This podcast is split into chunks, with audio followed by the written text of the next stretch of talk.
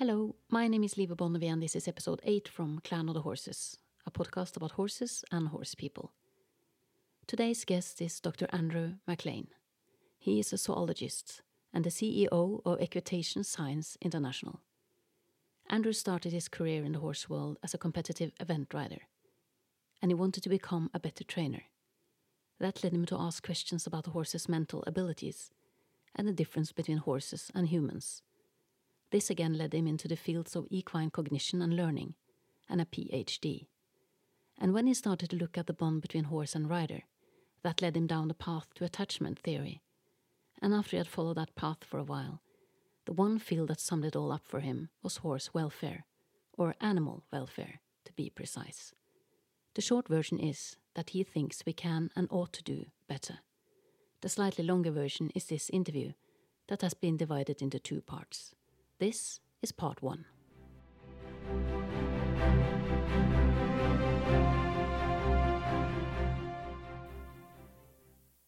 So, Andrew McLean, it's a great honor to have you as a guest in my studio to talk about equine cognition and learning.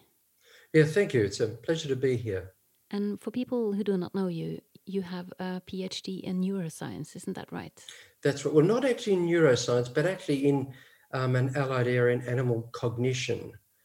Um, you know, the mental uh, capabilities and aspects of the of the brain of animals, in particular horses. That but it's fairly varied. Um, sorry, it's fairly uh, standard across mammals. The brain. There are only a few differences, really. Could we could we start to talk about those differences? Sure. Yeah. Well, see, I think that's the thing that really interested me in the very beginning of my journey as a competitive rider and a coach. Is you know how do we come to the horse and how do we train the horse with the uh, in a fair kind of way. And that logically leads you to the conversation about, well, what are the things we share with horses? And there are lots of them. But what are the things that make us different? And they're going to be the things that, you know, will be a problem because we won't understand the differences. And the differences are really simple. It's just that what has made humans uh, so human and, and different in our evolution was the fact that we needed to be able to think out uh, solutions to fairly complex problems because we weren't the fastest, we weren't the strongest, um, but we had to be the smartest in some respects to be able to find a um, solution and therefore think ahead, plan ahead, use our memory in a what we call recall memory way where we can visualize the future and uh, in some ways, um, well, we call it prospective memory, to have um, the, a, memory of uh, what actually has happened in the past in terms of events and being able to transpose that into the future. So it, it's basically like an imagination. You know, we can, in our global workspace, in the, in the brain where we think about things, we can lay it all out and make uh, fairly reasonable assumptions about, um, you know, like the if then hypotheses. You know, if we do this, then this is likely to happen. If there is smoke coming out of our car bonnet, um, it's likely to be this, but not that. And that we've really uh, accentuated that. But the horse is really the opposite to that. It has a very good recognition memory. That is, it can remember um, a whole lot of stimuli. It's got an amazing, the horse, like many other animals, elephants in particular, I'm thinking of, have this incredible memory. So, for example, if somebody hits a horse with a whip, then it's likely that when the horse sees the whip the next time, it will be fearful. But if it can't see the whip, it's unlikely to be to it, it, it's unlikely to be able to recall that that's what happened. Except, of course, if it's a person uh, that they know that did that, then that can trigger the memory. So there's a contextual aspect to it as well. But basically, the horse, when he's just, you know, looking out of his stable, he can't be thinking, that was a very bad experience I had two days ago. Whereas, you know, that's what we do. And in a way, that's what makes things really tough for us mentally and why we have so many mental issues as humans, because you know, we overthink things and we, you know, that's that's the path we keep going down that gives us all sorts of problems, you know, psychoses and whatever. So that's the main difference. So the horse, you know, grass, grass doesn't hide. You don't need to plan to catch it. And so these elements of the brain we call higher mental abilities that exist in the very front part of the brain called the well, it's called the dorsolateral prefrontal cortex, but it's basically the very top and front of the brain, is pretty much uniquely human in its extent. And the horse has no cells that are um, exactly like ours. Our, our cells there are very dense and granular, and the horse doesn't have that.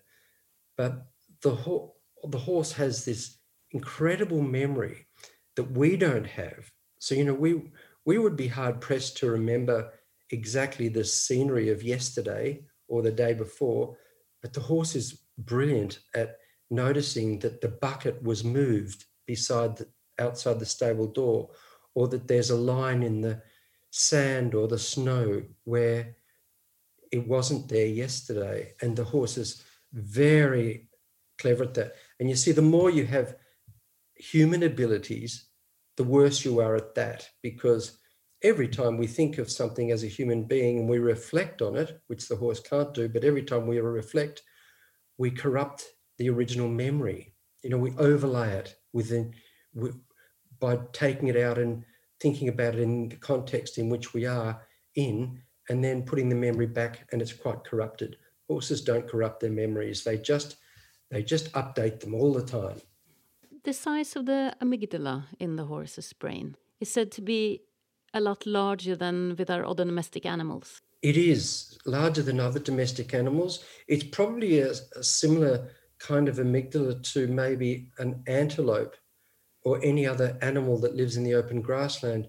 You see, I think that's, I, I always find that amazing because I haven't ridden camels very often, but when I have, camel trainers tell me, you are crazy riding horses. They're the maddest creatures because they are, in general, quite flighty compared to a camel or a donkey. Um, and not all breeds are, of course. We've tried to dilute that uh, over time as we've used the horse. But then again, for purposes of racing and now sport competition, in dressage even, we've actually put back into their genetic makeup more flighty genes because they're more expressive and they they run faster and all those things. But it's not always been a safe thing to do. But nonetheless, the horse is a very reactive animal that evolved in the open grassland where its predators could see it all the time. You know, they pretty much knew where the prey was. And that's a nerve wracking place to live, you know, when you're always in the vision of your predators, whereas creatures of the forest can hide quite easily.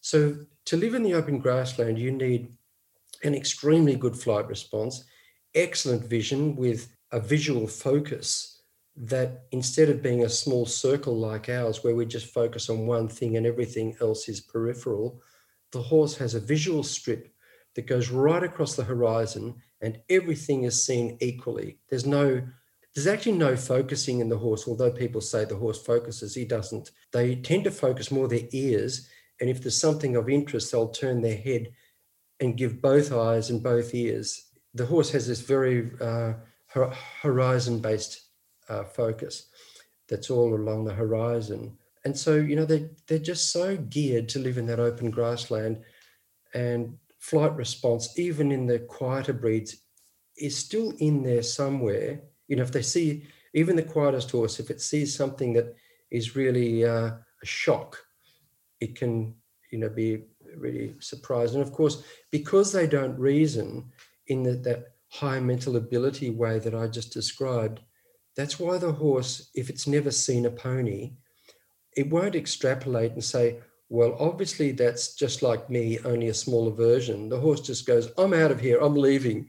And even their close relative, the donkey, horses, you know, really find that quite alarming. Any any kind of difference because we take for granted as human beings how we see the world and how we actually develop in our mind's eye uh, forms of, of things in the world. So, you know, we could say that that's a very large dog and that's a very small one, same species, or uh, probably more poignantly, we could say that's a chair because it is a chair, but we could also say that a, um, you know, a, a park bench is a chair. You know, we have all these ranges of forms, and even small children can do that quite well. But for horses, it's much more important to have a very explicit hard drive and everything that doesn't quite fit in, be very suspicious of it. Do we say that the horses are unable to generalize? Oh, no, they can generalize. No, they, they're quite good at generalizing, but it takes them uh, some time. You know, it's really important that they remain context specific. My, my approach is very much a, as a zoologist, is that from an evolutionary point of view, because, you know, horses evolved the brain and the abilities that they needed to live on that open grassland. So they do generalize eventually. So, for example, if you train a horse to go into a horse trailer, the second time he sees it, or the second trailer he sees, he's likely to not go in it, or he's likely to be hesitating because it's not the same as the image that he has stored in his brain that he went in easily. But the third one is easier, and the fourth one is easier. So, a way of thinking of this, how he stores all of these informations, is rather like the old fashioned negatives of films where, you know, if you lay one negative on top of another and on top of another, eventually the common denominator is just that it's a horse trailer. And then he then he generalizes and says, right, I go in any horse trailer now, but you know, they're very context specific and they don't just immediately generalize. Like if we got on one bus, for us, it's just a bus and we would get on any other bus. Um, it's not you know so uh, diff- difficult for us. But the horse is you know more suspicious of things, and um, they have to be. So it's the same with water when you train a horse for cross country, you know, for military, you know, the three day eventing. When you train the horse for that, to go into water is quite difficult, but every water jump gets easier. And the general rule is that on average, it's about five.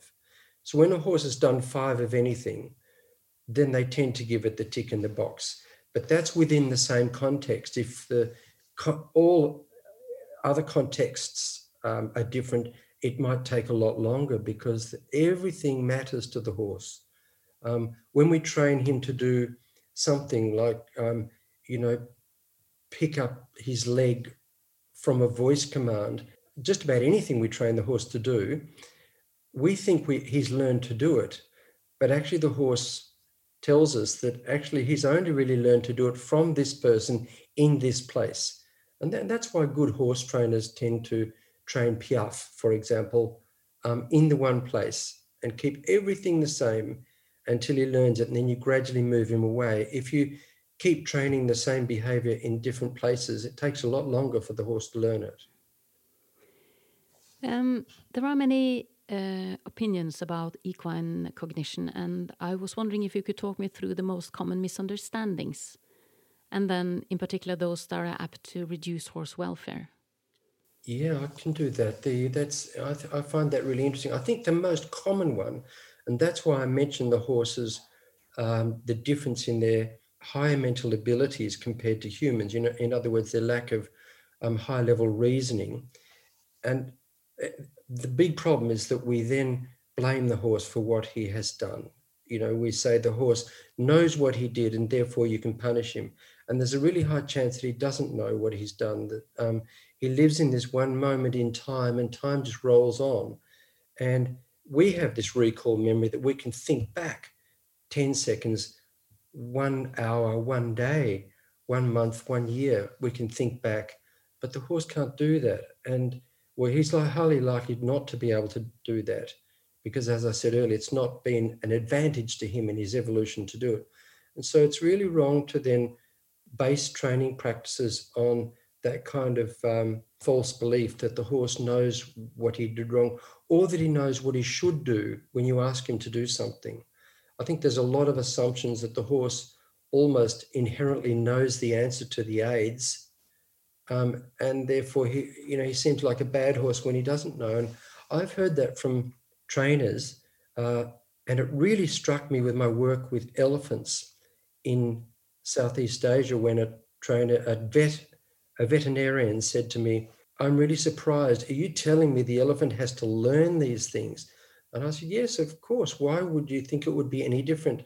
And he said, Well, in our you know religion, um, we believe that God Ganesh gave us the elephant to serve us, and all we have to do is make him submissive. And once he's made submissive, he'll then do whatever you want. And I said, No, no, he has to learn it. Your job is to, or the job of the mahout, the elephant trainer, is to try and teach the elephant. And it's a much better way. And we've shown that as well, that it's so much quicker if you assume that and you take a lot of patience to train the elephant. It's actually much, much, much faster, even though you're being very patient and setting things out step by step. So there's no difference with horses. You know, we we shouldn't assume so much. So that's one big mistake. I think that's the biggest one. You know, we call it anthropomorphism when we assume that animals have our kind of understanding. Um, and there are quite a lot of other ones too where people misunderstand um, about the brain of the horse. Um, you know, they say, uh, well, for example, people say right brained and left brained horses as they do for humans. And there is some truth to that. I have to say that's there's some truth, but they've got it the wrong way around. You know, when people say that um, if the horse is left brained, it's going to be, you know, dominant and um, brave and and confident. Um, is that what is that what you, you they say in Norway? Do they say that about left brained? And no, um, it's uh, it's an American some American trainers that have yeah, uh, yeah then, this theory. And a right-brained horse is submissive and fearful. Well, the, it's basically quite true, except the brain's parts they've got the wrong way around, because you see the right eye leads to the left brain in all mammals, and the left eye loads the right brain with information.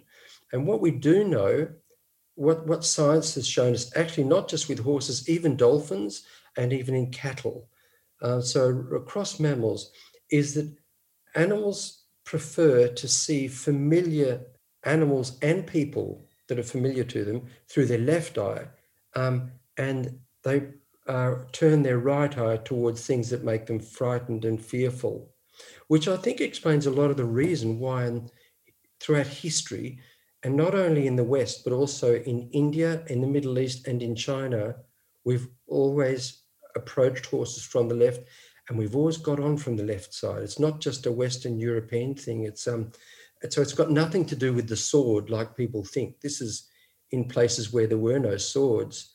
Uh, people got on horses always on the left side, and I think it's because the left is the less fearful side. So there's some truth to the difference, but I think they just got it round the wrong way. So it has nothing to do with me being right-handed, and it's easier to get up from the left side either. You think it's actually it has to do with the eye and the way ho the horse sees the world. You think? I think it's more to do with that, but I think it's also a lucky uh, thing that we are mostly right-handed and we do get on. But I think that if we had the um, habit of getting on the other side, we'd very quickly learn to do it that way too. Um, but I think that's more fortunate for right-handed people that it goes like that. Uh, could you also talk me through the learning process of the horse, how the horse learns? Sure. I think that's a, a, a good time to talk about this right now because my earliest interest was in how the horse sees the world, how he understands the world, and the differences that we've just mentioned. But that necessarily led me after my PhD into um, the area of learning. And how do we do how do how do we train the horse? Because horse training is really just you know human beings hijacking learning processes in the horse. That's really what we're doing.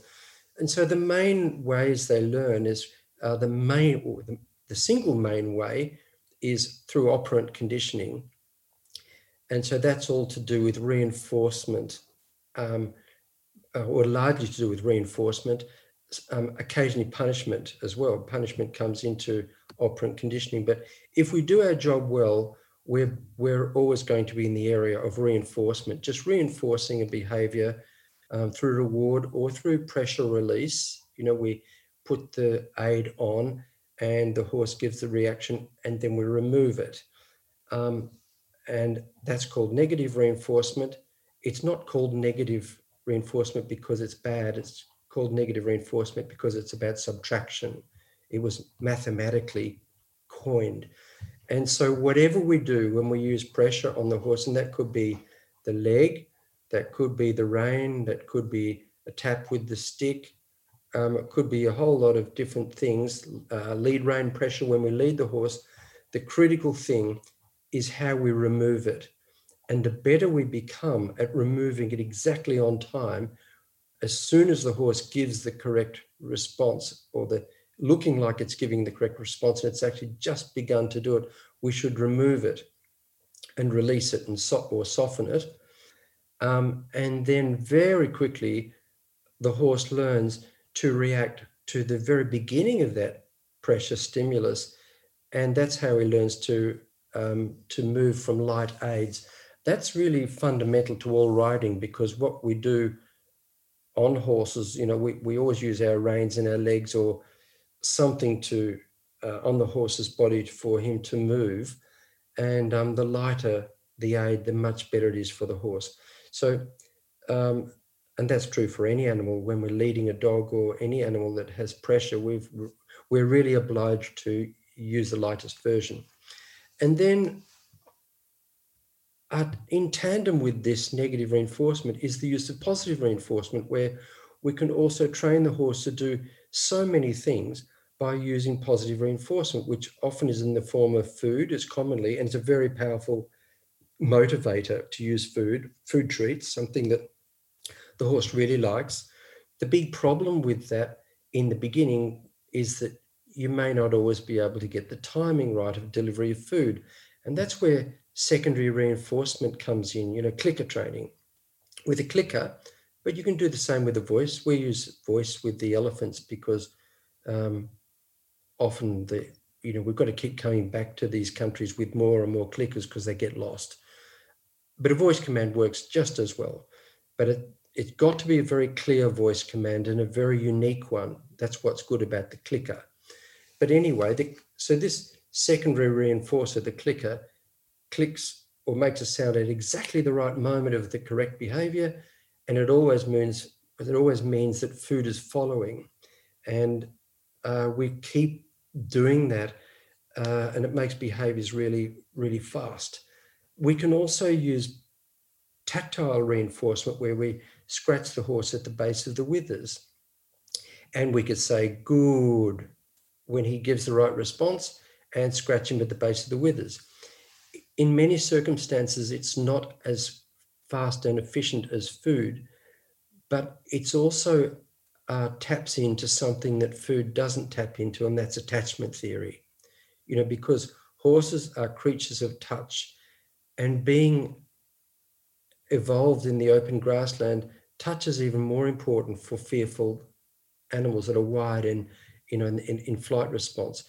And it really is valuable to horses. And so studies have shown that when humans scratch horses at the base of the withers, heart rate um, can lower uh, around 10 beats per minute when it's above, you know, baseline heart rate. It will lower it by uh, that amount, and that's quite amazing. That you know it's so powerful. But many horses the way we rear them, um, you know, where people wean horses too early, um, and often they're segregated from other horses, so they don't have enough socialization and company. It can really basically screw them up quite a bit socially and mentally and make them really insecure. And also, some of them then don't really appreciate touch as much as the horse naturally would. So I think the way around that is to for everyone to rub the horse with the withers and keep doing it and don't stop until the horse reciprocates with his lips. And then and then it will the time will reduce between when you first start doing it and his reaction. And now you've installed a very useful reinforcer. Um, so you can train anything, you know, when you say teaching to go forward or to stop or to turn or to do anything, in any sport, you can say good and give him a scratch.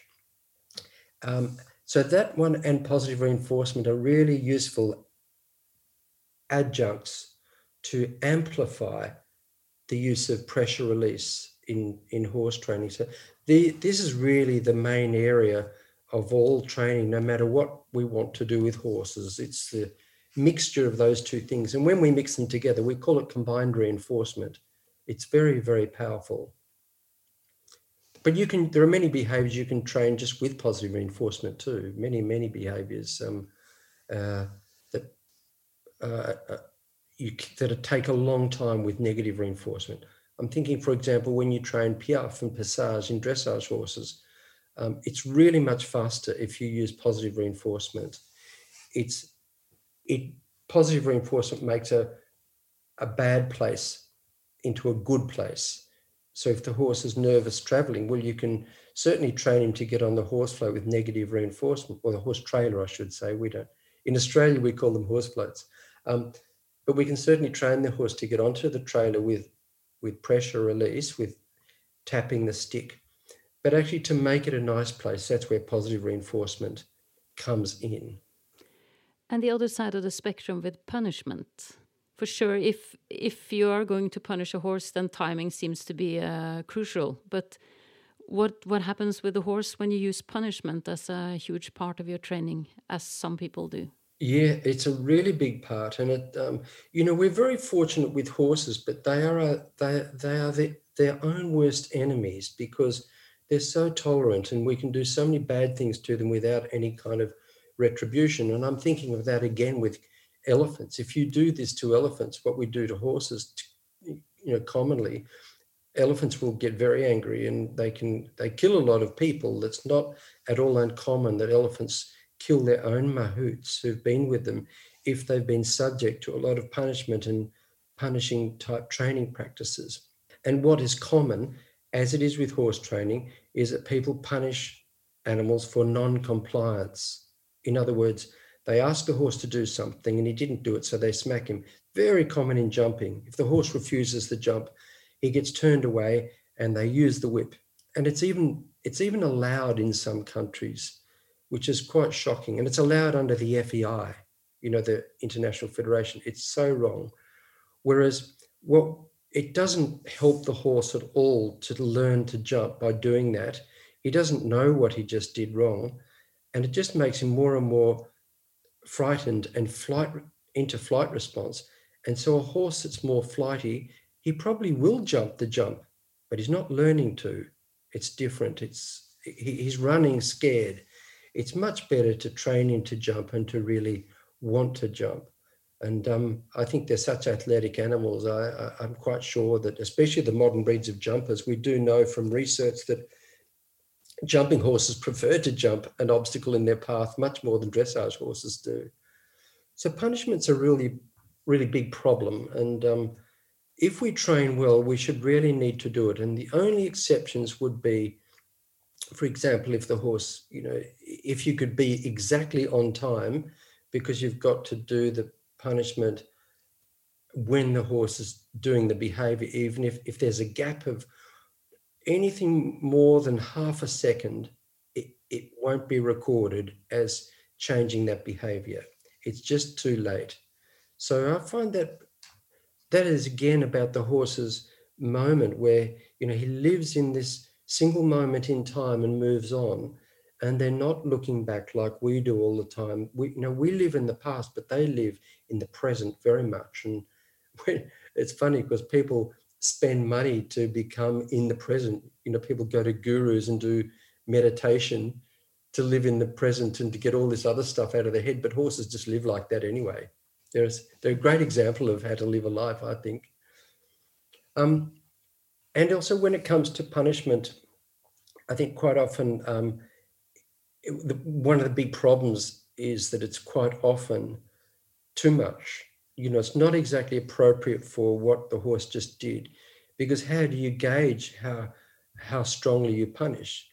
And it becomes part of the toolkit of humans then to use punishment for every different thing. And I remember Kyra Kyrklund um, said to me many years ago um, that there's an old saying in Finnish, it may well be in Swedish actually, um, because she is a Swedish speaking Finn. Um, this saying goes, when you have a hammer in your hand, all your problems start looking like nails. And, and, and that's the problem with punishment is that you know, once you go down that line, um, it's it, it, it, may never end. And so you've, I think that's why people need to learn more about learning and training. Um, and that's what why I do what I do. And we run an online diploma course to teach people how to train horses um, in terms of biomechanics and neuro, neurology, ethology, all of those areas, because the more we learn, um, the better we'll be. And uh, that's why I very much like your ethos that, you know, the more we know about horses, the better it is for them and the, and, and the better welfare it will be for sure. Can I ask you quickly also about punishment? Because uh, for sure, most people will never have the timing for it to make any kind of sense for the horse. So what what does happen? Where where does this experience go in the brain and the you know the behavior of the horse? What what happens with it? It it, it really makes the horse lose a lot of confidence, and it actually uh, starts to damage the bond between not only the horse and the and the um, handler, um, but also horses and humans in general. And it has a, a, a, secondary destabilizing effect too, where now the horse starts to show what we call negative affective states, where they begin to lose confidence in the world in terms of their own uh, controllability, you know, their ability to control their own life. And so we know that because we can do experiments with uh, well, we call them judgment bias tests. Um, and we know that uh, when horses are faced with, and other animals too, and humans, that when we're faced with confusing and punishing backgrounds, we tend to have really big problems in decision making and um, uh, and even uh, attempting to make a decision or attempting to do something. It's rather like you know with children nowadays, we we um, we don't punish children like it was done so much in the past because we recognize that if we can use better ways, then our children are going to stand up for justice. You know, they will be brave to stand up for justice. And it's exactly the same thing with animals. If we train animals in a more caring kind of way, then the horse will try try different behaviors. And so the damaging effect of this um, uh, insecurity, mental insecurity, uh, tends to also head down towards chronic stress. And chronic stress shows up in so many different ways. Their cortisol levels are raised. They uh, tend to show aggressive behaviors and defensive behaviors. In other words, they're, they're more likely to do bad things. Um, you know things that don't suit humans like bucking and rearing and shying and bolting they're more insecure. Um, they're often more tense in their body so they don't they don't remain calm. Uh, it, it's just a range of problems that are damaging for their health and so that's why i think i would never say you you, you never punish a horse because for example, if it, if you could catch it during the act of biting or kicking or something dangerous, if you caught it in the act and it was just one moment, you could say, "No, stop. That's it." Um, that's that's effective, but the timing is so important.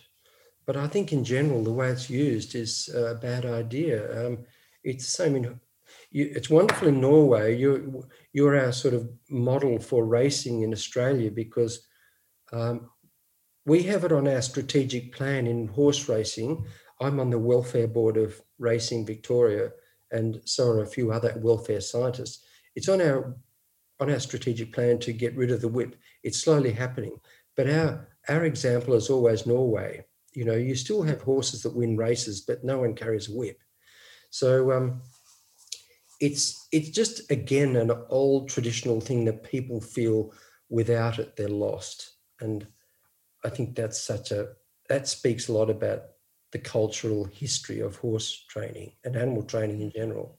learned helplessness is also an issue i think when it comes to punishment and the horse being more and more insecure and you know unable to think uh, do you also have some perspectives on that yes uh, learned helplessness helplessness is a problem for any kind of uh, pressure that the horse perceives that doesn't go away and remains painful you know because learned helplessness is about an animal habituating to pain and you know, in other words, becoming used to pain. But the truth is, they never do. It's just that they don't show it. So internally, they have really big problems. Um, and again, it leads them into um, in, into stressful behaviors. But then when they get to the learned helplessness stage, they just that's when they have trialed stressful behaviors, but they didn't work. You know, no fighting. You can, you cannot you, you cannot fight this um, pain because it doesn't go away. And so they basically just habituate to the pain and shrink into themselves and basically shut down. Um, and it's, you know, so that horse, if it has full blown learned helplessness, can't even be used anymore. But learned helplessness is, um, it's actually a dimensional disorder. It's not a categorical one. In other words, it's not a all or nothing thing. It's gradual and it's incremental. And I think um, many horses have little bits of it because, after all, even using a girth on a horse is pretty inconvenient for horses. They don't really want that. It's a, you know it has to be tight enough to hold the saddle on. So, um, but there are a few invasions like that that we do, but they generally have less significance uh, compared to punishment and severe pain that the horse has to put up with all the time. And for example, there are many examples of horses, especially I know of quite a few in the past, where they would tolerate being spurred to the point of having um, wounds on their sides. Um, many horses tolerate the whip. You see it in racing, no matter how much someone uses the whip, um, the horse won't accelerate. And that's the danger of using these tools is that you know there's a danger in the animal habituating to this and going down the path of learned helplessness. That's one of the things that really bothers me with the whip and the horse races. Because for sure also when they really start to use it then the horse has been running for so long that he doesn't really have any more to offer often so it's it's a very strange place to to use it you know towards the finish line Exactly. And you're you're punishing the horse when he cannot respond. And that is just the recipe for problems. And I my argument is, you know, after racing, and most horses, you know, don't race uh, past eight years of age in Australia. It's it's quite rare. Um, sometimes in jumps racing, they may go longer, but generally um, they finish. And that's a very young horse, really, uh, for his life. And if he's had a lot of issues, or sorry, a lot of, uh, you, if the riders and jockeys have used the whip in that kind of way, many horses don't recover, and therefore they're not useful. They're not safe for people. You know, you you get these horses from the racetrack, and quite often they're quite traumatized, and not always. Some of them are fantastic, um, and you're very fortunate if you do get one like that. And I think um, a, a lot of them are very good but, but often there are some issues of the whip. Um, and in some cases, there are big issues, um, especially with very sensitive horses. And, uh, you know, people would just say, oh, well, that one can't be retrained because it's mad. But it's not mad. It probably wasn't mad before it started. I'm sure it wasn't. There are uh, different philosophies when it comes to horse training. And one of the ones that I find interesting is where you one school would say make the wrong thing difficult, and one school would say make the right thing easy. So making the wrong thing difficult could be that you you make a lot of fuss with your horse and really, you know, force them to move and and get all that flight instinct up, and then once they get into the horse trailer, they are left alone. So so the wrong thing, staying out of the trailer, is difficult, and and getting on would be the good choice for the horse. Do you have any uh, perspective on on the difference between the right thing easy and the wrong thing difficult? Yes, I do. Um, because to make the wrong thing difficult, there's just no science in that at all. It's just really not true. Um, we know so much about learning, and that is just expecting too much. And if things do get better with that technique, it's not because of that. It must be something else. Like you just, for example, you never go away from the horse trailer. And so people will make the wrong thing difficult by um, making the horse do circles or running it backwards. But the real problem for the horse that doesn't go onto the trailer, apart from the fact that he might have had a traumatic experience, is just that when you lead him forward, he doesn't lead into the trailer. So it's essentially a leading issue. It's essentially retraining the horse to lead forward from the lead rein because many horses don't lead well. Most actually don't because horses are so good at noticing things in learning. And I didn't get onto this in learning, but classical conditioning is the other form of learning where they learn cues um, that attach to operant conditioning.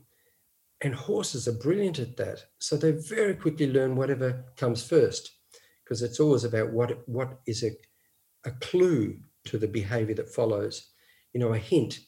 And so horses very quickly learn to follow people's legs. So they, if you walk, they walk, and when you stop, they stop, and they become very good at that. But that's not leading. And so the horse that learns that way, and most of them do, when you then, if you stand still, for example, and push your hand forward and he feels the pressure of the lead rein on the head collar, just really light pressure. He should immediately walk forward if he's well trained. But usually he's got no idea what to do because no one's ever done that. They always walk. So you can imagine how the horse feels when you then load him into the trailer and now you walk out. And the horse has always learned that whenever you walk, he has to walk. So that creates a lot of problems on the trailer. Um, when the horse is tied up, and you walk away, he becomes really fidgety. And it's not because he's silly or naughty, it's just because your legs are saying, now walk, and he can't. And so teaching the horse to lead and stop and stay still, we call that park, is really essential. It just makes every horse so much calmer. And elephants, we do it with the elephants too, and it makes a huge difference. And you would think that in cultures where they've had these animals for many, you know, hundreds of generations, they would have learned that, but they don't um, always. It's quite common that elephants have, and I've worked in five different countries and we still do, that they don't stand still. And many horses don't stand still. And they're just called, in English, they say they're fidgety. So it's um it's quite a quite a problem that idea of you know if make the wrong thing difficult and it it means that see it implies that the horse has it in his head that it, all right i know what the right answer is now i'll do it. It's it it's a bit ridiculous. So i'm a huge believer in just make the right thing easy and that means set it up. Like make the right thing the, the right response you're after so easy for the horse that it's the one he tries first because the more you enable him to be successful by trying a behavior, the more he has uh, what we call positive affective states. And he starts to um, try the first thing if you set it up well. So, for example, um, I'm thinking if you make the make it easy for the horse to learn to lead forward by having it set up in a place where the only option for him to go is forward. Um, there, there are whole, there's so many elements of the setup that you can do um, as a trainer by just thinking, how could I set this up so that he's very likely to give the correct answer? But then you kind of hear the the trainers saying, well, you know if it's if you make it too easy for him then he won't really do it when you need him to do it in a specific situation because then things will be different. So you need really to be in charge be in control and tell him what to do and that's going to be it. That kind of mentality seems to be rather normal. Yeah and there was the same that was the same impression people had with that children that you know you had you had to be really tough. So but those children never stood up for justice so in other words, when it was challenging, they were too afraid to, you know, to say anything because of their back punitive background. I, I think that it's um it's really the opposite. That you know, you, you you make it easy, And all training is, it's just brainwashing, basically. And I say that because we're all brainwashed. You know, we all live our life and have our routines. Um, so we're, we're locked into this world through our, you know, our learning and our repetitions and our culture into whatever we do and however we behave. And that's what we do in training. So we basically just repeat and repeat and repeat. And the more we repeat things and make it easy for the horse to learn it uh, each time, and we don't vary it until we're really quite certain that the behavior is fairly solid, that's all you have to do is just repeat and make it a habit. You don't have to make it tough. So if you do that, that horse then becomes really bold and brave. And just another example with elephants, because they said the same thing to me in Nepal, where we were working with elephants there for the national parks. And they use them for um, anti poaching and for wildlife census, you know, for looking at how many tigers there are in the forest and how many deer, etc. Elephants are quite afraid of tigers. Elephants that have had a lot of punishment and um, tough coercive behavior are nowhere near as brave when they see a tiger as one that's had really gentle, repetitious, good training. And that's one thing that enabled our elephant training organization to become really strong um, was because of this uh, idea that you just had to repeat and repeat and repeat and use a lot of positive reinforcement. And the we were working in uh, southwest Nepal in a place called Bardia National Park, and we had five elephants that were a pilot program to test out these theories. And it, in just four years, the Nepalese government said, This is fantastic. You know, we want to roll this out across Nepal. And then, the, then it went to India and then Thailand and then uh, Laos and, and, and Myanmar. But uh, obviously, Myanmar's out for us for a while. But, you know, it, it worked because we made the animals brave and bold through confidence, not through punishment and not through making making it tough. You know, the idea of making it tough also is a misunderstanding about uh, complexity. Because if you want a horse to do something quite complex, I'm thinking jumping cross country, for example, and that's really my background. The horse just has to gradually be exposed to more and more complexity, but only changing small variables. So when you're teaching him to jump, if you change the height, don't change the shape. Or the, you know, the jump is made of poles, don't change anything, just the height. And um, and give the horse a lot of experience there when you when he feels really comfortable. Then gradually change one more thing and another thing, and then maybe layer um, a mat or a horse blanket over the rail, and keep doing that until he's comfortable and just keep doing everything and keep varying as much as possible. That's how you produce um, a, a, horse that you know is a top horse in cross country. And I, have I've done that myself, and so I, I can speak from firsthand experience that horses can be. And the old-fashioned way of in cross country and military was um, also quite a lot of scary. Now the jumps are very technical, but they were big and scary and dangerous and trappy many years ago.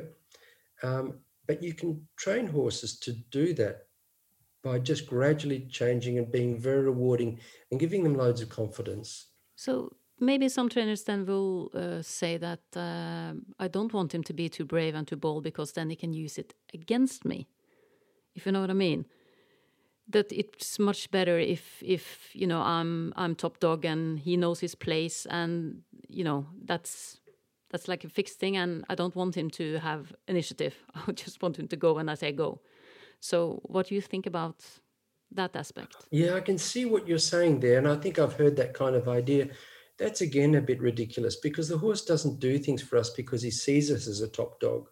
The horse does things because it's a habit to a signal and so he learns to do it. And as he learns to do it, he becomes more confident in doing, and he becomes more confident in our relationship, in the bond between the person and the horse. So you develop it like that. It doesn't work um, the other way. You know, I think it's a, a very important thing to emphasize that you know you make you make the bond uh, with the horse, and the horse will do whatever you want. You know, like you can start to make it more challenging. You know, you don't have to stay in the same place. You can gradually make everything just a little bit more challenging, and then he, you know he'll give you what you want.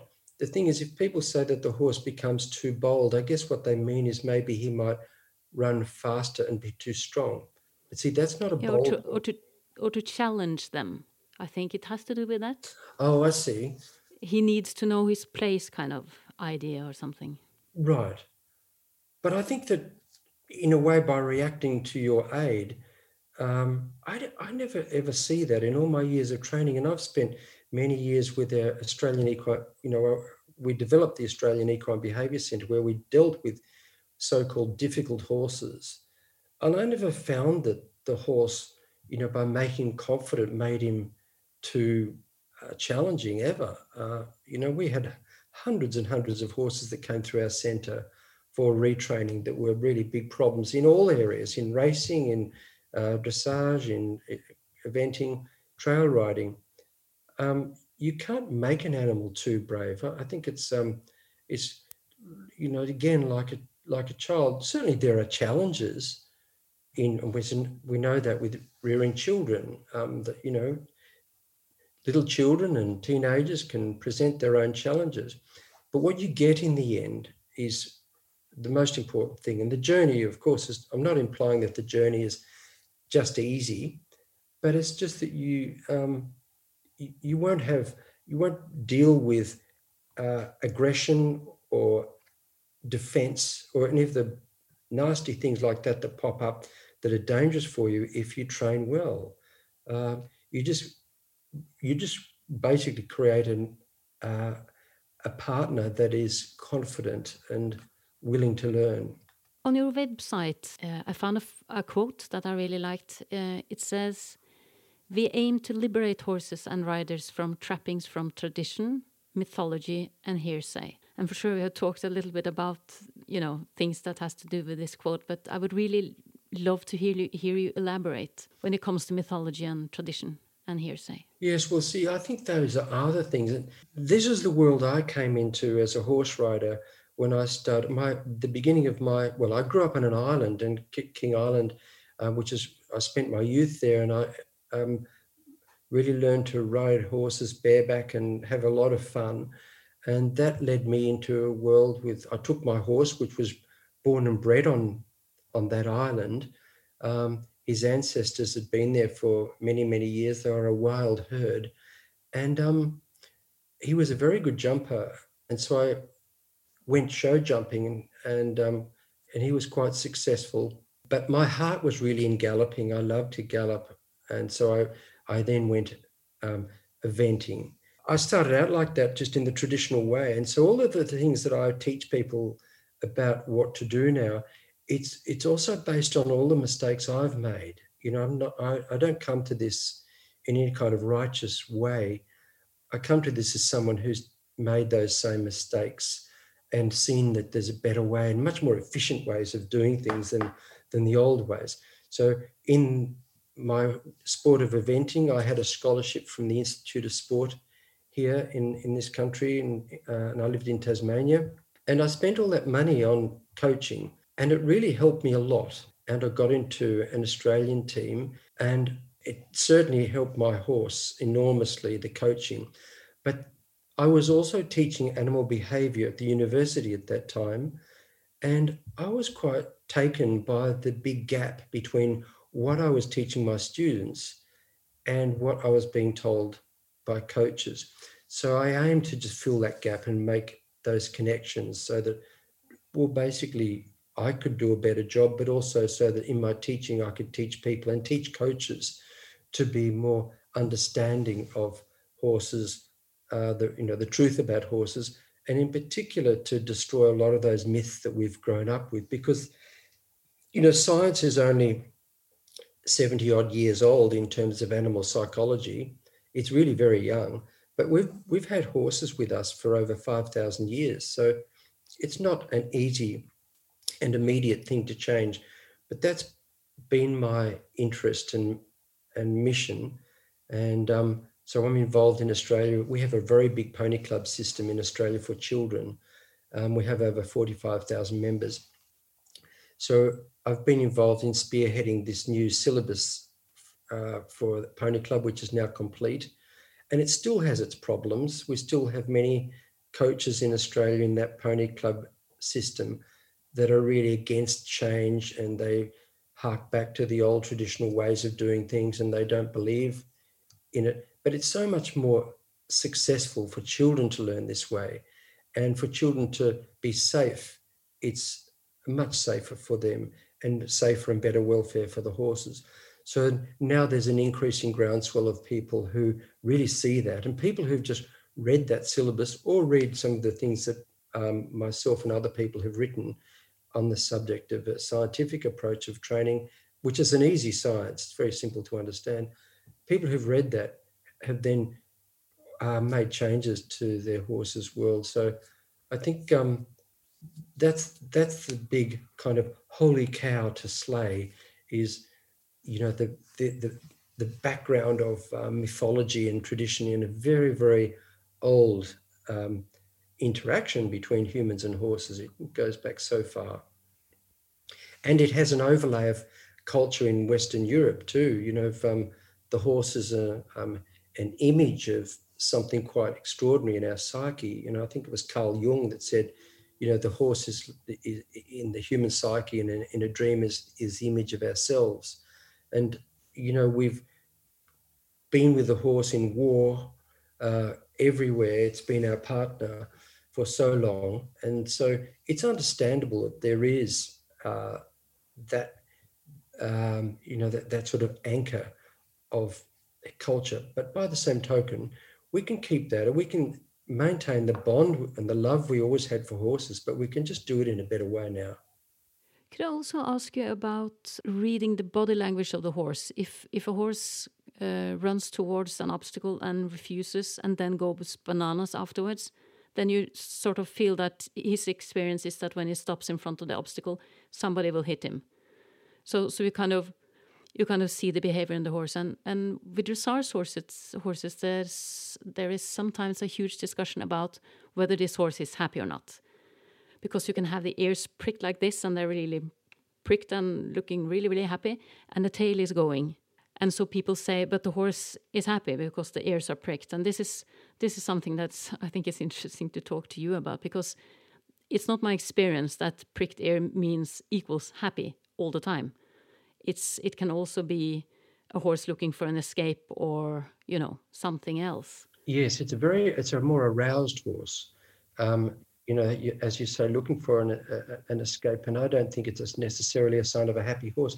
It's really difficult to judge what is happy. That's the big problem because even in humans, it's hard enough to judge. But um, I think in a in a human, for example, we have this vast um, spectrum of at one end of the scale, we've got euphoric happiness, del- you know, delirious happiness, and at the other end, we've got this awful place, this dark place of hatred and, and revenge, and then in the middle, we're somewhat content.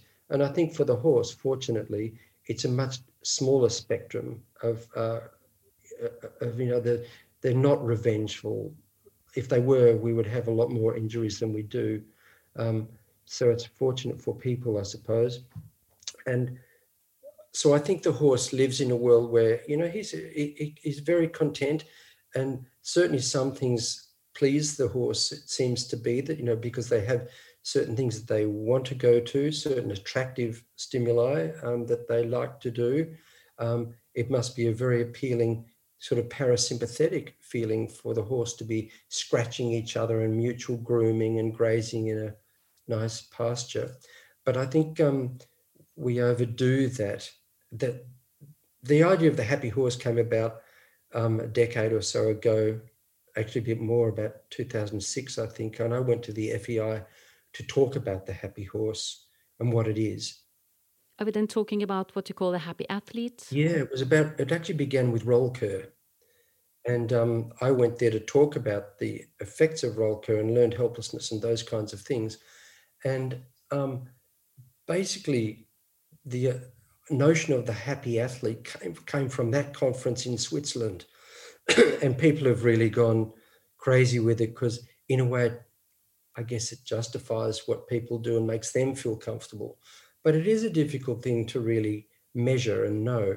But by the same token, I think it's a very important thing to recognize that the horse's positive affective states, which is all we do know in science, is that it's a good place to be, and we want him to be like that, and we want to make the horse more more comfortable um, in the in his interactions with us. And so that's where the bond between the horse and the and the human is so important, and that gets back to attachment in terms of um, you know how we raise the horse and train him and all of our interactions and especially based on touch that you know we we need to be able to we need to groom and stroke horses um, and they need to be able to do it to each other so in many cases i you know um, i advise people that if you can remove the bars of your stable so the horse can touch each other because i think that touching is 50% better in terms of attachment than just simply seeing.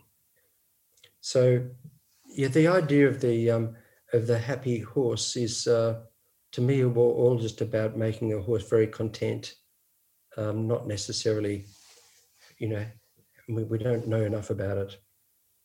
Just before I ask my last question, which is always the question about what have you learned on your journey that you think everybody with horses should know, I just want to make absolutely sure that there is nothing here that you would have liked to share that we haven't talked about.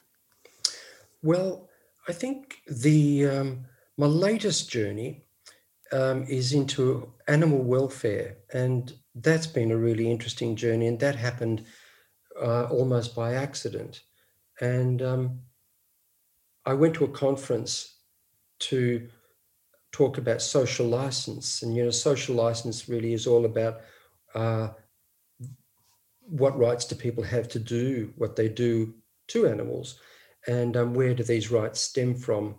And, you know, in areas in horse human relations, you know, that's all about how we use the horse and what we have using the whip and all of those sorts of things. So there, it's a very important question because basically the public are in charge of that. You know, if something gets lots of likes on Facebook or lots of dislikes, then that can drive legislative change. So we always need to be, uh, you know, ahead of the game. But that that's another story. But in terms of this journey, I went to this conference and um, I spoke to David Mellor, who is the um, the champion of the five domains model of animal welfare, which is the most uh, widespread uh, and successful model of animal welfare that's used in you know everything from chickens to and pigs to um, horse racing, and it's even been adopted by the International Federation of Horse Racing, which is quite fantastic. But I went to this conference and I had a chat to him and said, "Look, it's very good, um, but I think we need to add a lot more in terms of human-animal interactions." And he fortunately agreed, which was I thought quite outstanding for someone to do that because he already had this very successful model and he could have been very protective and pushed me aside. But to his outstanding generosity, he said, let's do it. Let's write another version of it. And so the latest model, the 2020 uh, five domains model of animal welfare, um, focuses on human animal interactions. The reason I really wanted to do that was because so many things with horses we get wrong as human beings, and so much we blame it onto the horse. And so many things we do with elephants, has the same outcomes, and we've got to do better. If we want to keep doing what we do, we've got to be much, much uh, smarter about their welfare. And so uh, this was quite a big, big job. Um, I also included uh, uh from my area um, Paul McGreevy and uh, Bidda Jones, who's the head of our RSPCA in Australia, and Christina Wilkins. And um, on the on David's side, he already had two other people that were uh, authors with him on the five domains model. So it was kind of a large group of us that uh, this document went backwards and forwards for almost a year, and then we published it last year. And so that has been a, a journey, and I started to think that's really so interesting for me that this whole journey began with me as a competitive rider wanting to do it better and get better performances. And then in order to do it discovering that there was really no not much known science around it. So i embarked upon my phd and then and many other people came on board. So we now have an international society for equitation science. And many people were having the same kinds of thoughts too at, uh, in that period of time the end of the 90s and then uh, we necessarily delved in my area was in cognition you know animal mentality that necessarily led to the area of learning. We explored all of that. Then people would say, well, what about the bond between humans and horses? Um, you know, you're not talking about that. And I think this whole idea of learning theory is just too cold and not warm enough. And I thought, well, yeah, you're probably right. So myself and Paul McGreevy started to look at what what else is there. And with, there were three areas that we call the three A's, which is affective states, arousal, you know, how aroused the horse is, or, you know, it's even stress, and, and attachment theory. And so we dealt with those, and my journey was in attachment theory. And we presented this at a conference in 2013, and we're actually writing about it now. We're writing a paper on it. And that led to that. And then uh, this journey in attachment theory made me realize the importance of socialization and other elements of the horse's basic um, um, nature that really should be addressed. I mean, it's obvious that the horse needs exercise, but the horse also needs constant foraging. You know, it's not just something that they want, like, uh, you know, as in hay. It's something they need. They need to chew for 13 odd, 13 odd hours a day. Um, and they also need social uh, companions you know um, not just people but they need to be able to touch social companions. It's an important need. And so i did some work with the manchester police and um, implored them to give it a try to pull the bars down in this giant police force mounted police force in in england and um, they were a bit nervous about it because they didn't think it would go down well with the with the mounted police board. But actually, they were very good and they said, We're going to do it and we're going to pull down all the walls. And they pulled them all down. And I said, I want you to be really honest with me and tell me if it's a bad idea, because I know, you know it's really an interesting idea. And at the same time, I was doing the same thing uh, with people with it, suggesting the same thing with the elephants, unchain them, put them in large enclosures. And the answers were always the same in the beginning, and the fears were the same. Well, they'll all they'll hurt each other. Um, they're not used to being with each other. And that's true in some horses and bull elephants. It might be a very dangerous thing if they've been isolated all their lives, because the more you isolate them, the worse they get, the more crazy they'll become, I suppose you could say. But with most horses, you, and you could do it really gradually anyway, but with most horses and elephants, they're already made to interact successfully. Elke Hartmann in Sweden did a great study in her PhD looking at how you do introduce horses to each other um, and in, in you know to put them together in group housing and showed that if they just interact with each other over a fence for around about half an hour most of your problems were already gone by then so they'll be safe to put out so this journey then led to this five domains uh, study um, where now we were that was really for me the the last step of my current journey. I don't know where I'll be going next, but um, looking at how we implement that uh, in human animal interactions right across all species that we interact with. So for me, it's much more than just about horses. I, I love horses and I love to ride, but I'm really uh, an animal person. I like to know about animals. My life is about animals. I'm, I'm not I don't choose horses over any other animal. I'm just as interested in the spider building the web or the eagle flying. And I think that that kind of one world philosophy where we realize the interdependence of all that we do with horses is in some way a kind of um, uh, an image of how we deal with the world and we should think about that more and look after all animals in the same kind of way and be protective of them. So for me it's a it, that is my personal journey. It's a little bit sort of beyond i guess the scope of just horse training but it's a personal journey about a better way for you know us all to um, live so that we so that it's sustainable and it's a happier friendlier place for everybody Andrew, this has been such a wonderful conversation. Oh, thank you very much. Oh, it's it's brilliant. Thank you very much. I'm so grateful for uh, for you accepting to be a guest on this show. Oh, thank you. Thank you very much. I've, I've really enjoyed talking about it. You have just heard episode 8 from Clan of the Horses, a podcast about horses and horse people. And this was part 1 of the interview with Dr. Andrew McLean. In the second part, we will take a closer look at the dominance and submission theory. The thing is that in equine ethology, the only form of dominance displayed by horses is bilateral dominance. In short, it looks like we got some of the basics wrong. The only thing that remains now is to thank my composer, Fredrik Blom, and my brilliant guest, Andrew McLean, and last but not least, I want to thank you, dear listener, for your patience. May the horse be forever with you.